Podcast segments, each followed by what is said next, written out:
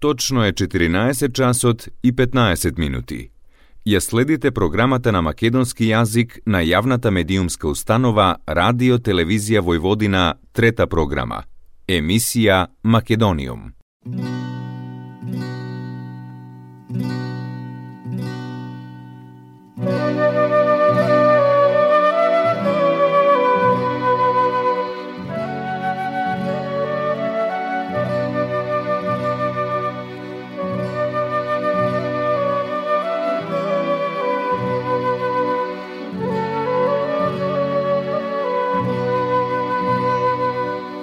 Добар ден и добре дојдовте во најновото издание на емисијата Македониум. Македониум, почитувани слушатели, е емисија која што ја следите секоја среда со почеток во 14 часот и 15 минути на фреквенцијата на третата програма на радиото при Радио Телевизија Војводина. Поздрав од вашиот уредник и водител Јулијана Милутиновиќ.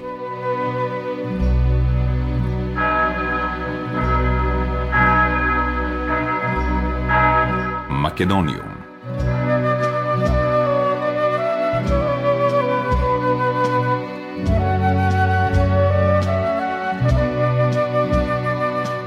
Денешното издание на емисијата Македониум го посветуваме на животот и делото на нашиот бард на филмската и драмска уметност Мето Јовановски.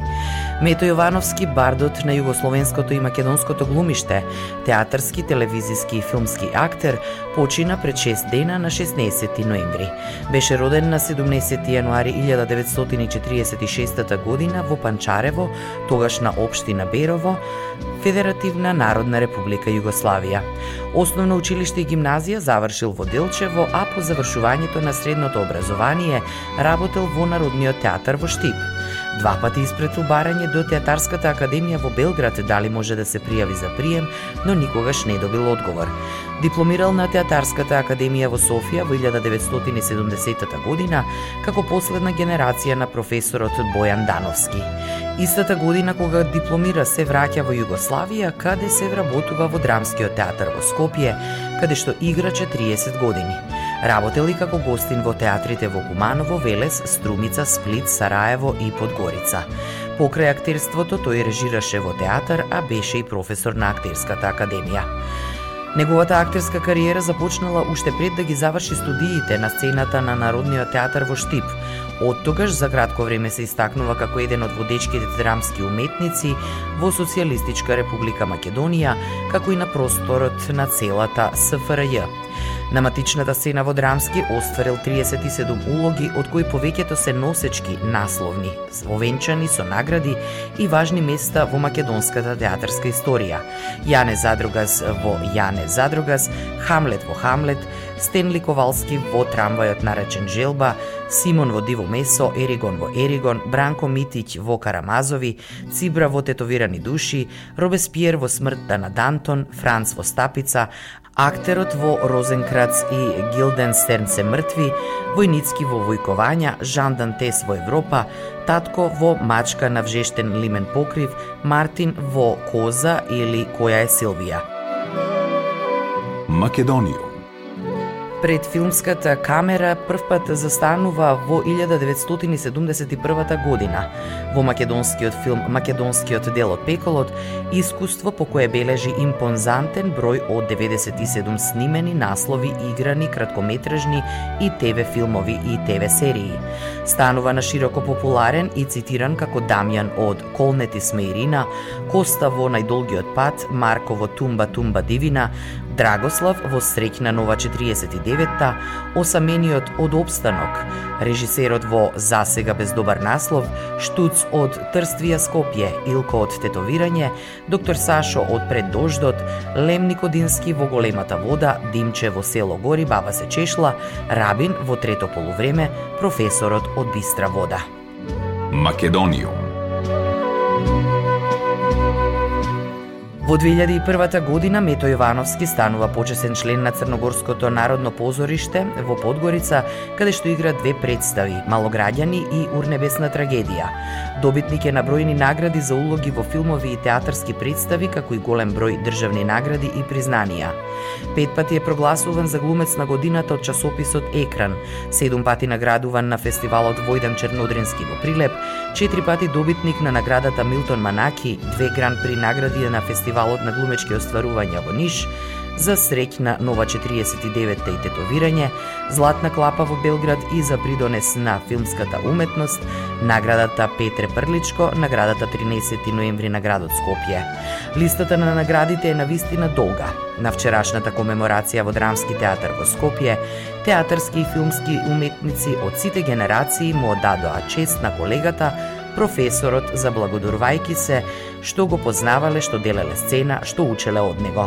Колегите од неговиот матичен драмски театар, каде изиграл 37 улоги, од кои повеќето се насловни, наградени, кажаа дека сакал да го посетува манастирот Свети Јован Дигорски, најзуст ги знаел Евангелијата, бил човек волк самотник и имал доверба во малкумина.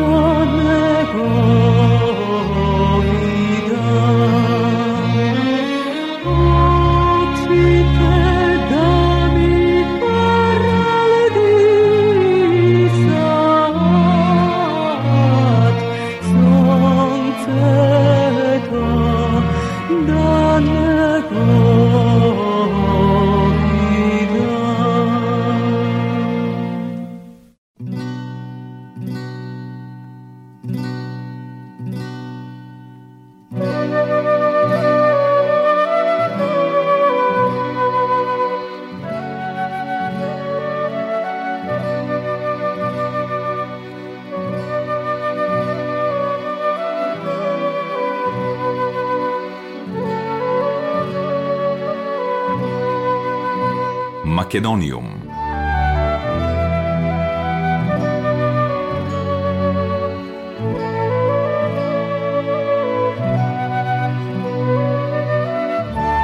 Мето, актер, професор, колега, но и обичен човек. Беше волк самотник, имаше доверба во малкумина, ги сакаше своите керки. Ја сакаше својата брада, без неа не се чувствуваше свој. Наизуст ги знаеше Евангелијата. Му се допаѓаше левиот профил од неговото лице, сакаше тишина во ходниците низ театарот пред почетокот на секоја представа.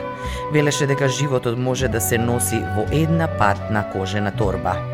Со овие зборови и со долга аплауз и со неговата омилена песна, традиционалната македонска сомаки сум се родила» вчера на сцената во Драмскиот театар Скопје, од големиот македонски актер Мето Јовановски се простија неговите колеги, пријателите, семејството, како и почитувачите на неговото дело. За Јовановски кој почина минатата недела на комеморацијата зборува и пораки испратија повеќе истакнати актери, режисери, директори на институции, негови соработници од драматичниот драмски театар, Универзитетот Европа Прима, кинотеката, а телеграми со сочувство, упатија и председателот Стево Пендаровски, премиерот Димитар Ковачевски, Министерката за култура Бисера Костадиновска Стојчевска, ФДУ, МНТ, ТДМ, Албанскиот театар, Битолски театар, како и други институции и поединци од Македонија и странство. Македониум Не сум сигурна дека сме имале втор толку комплетен и едновремено комплексен актер. Многу бројни се неговите дарови пред се како актер, но и како драмски писател, режисер. Неговите доблесна критичност и острина, нетипични за нашиот аморфен контекст, го оформија во едно од најспецифичните и најголемите личности на нашата современа култура.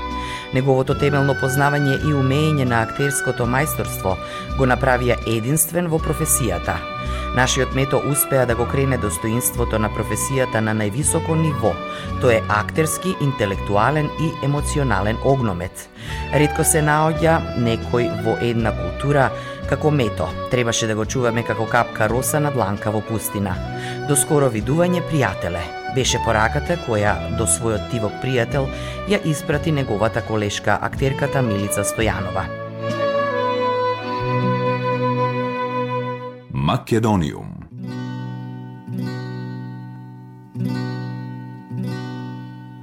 Од мето на сцената на Драмски се прости и Благоја Чоревски, кој се подсети на нивните студентски денови и вработување во Драмски.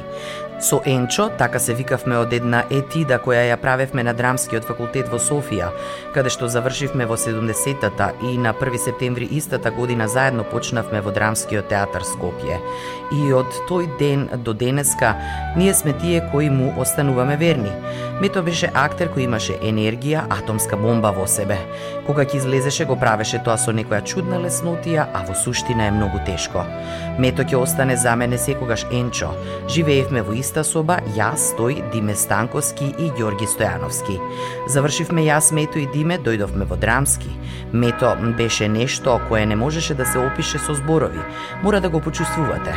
Јас сум горч што сум бил со него, што сум играл со него и што сум учел од него. Нека му е вечна слава на мојот Енчо, актериште едно, рече Чечоревски. Македониум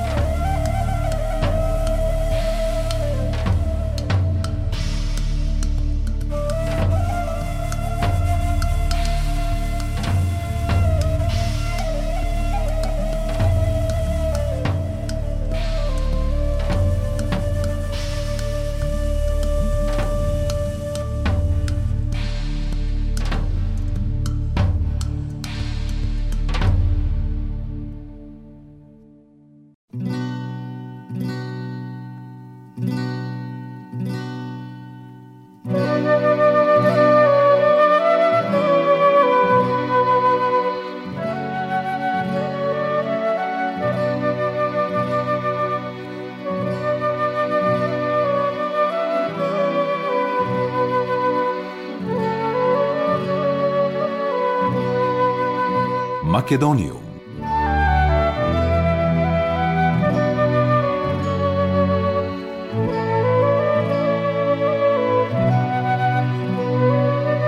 Глумците прочитаа и порака од италијанскиот режисер Паоло Маджели, голем пријател на македонскиот театар, кој има работено кај нас, во која меѓу другото вели Сите знаат колку голем глумец беше и нема потреба тоа јас да го повторувам. Се запознавме во Белград по твојата прекрасна изведба на Хамлет. Унко не запозна.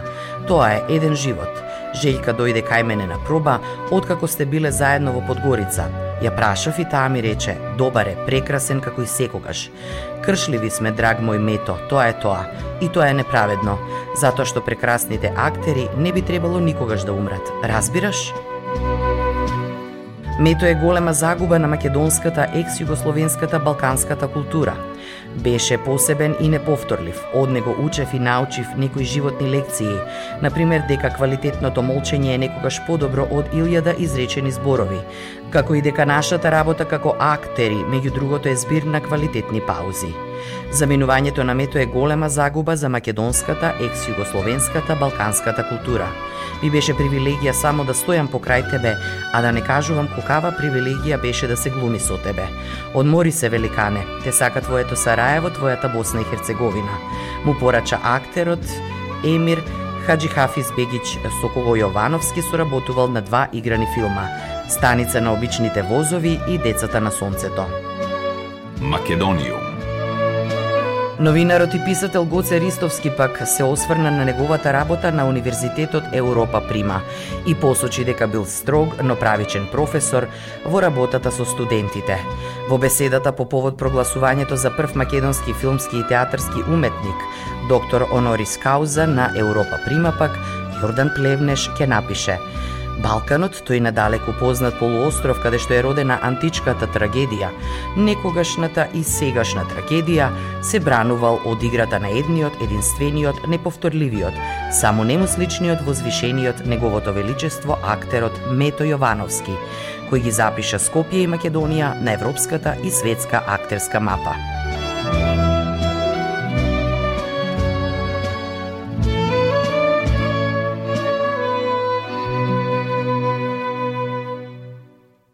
Македониум.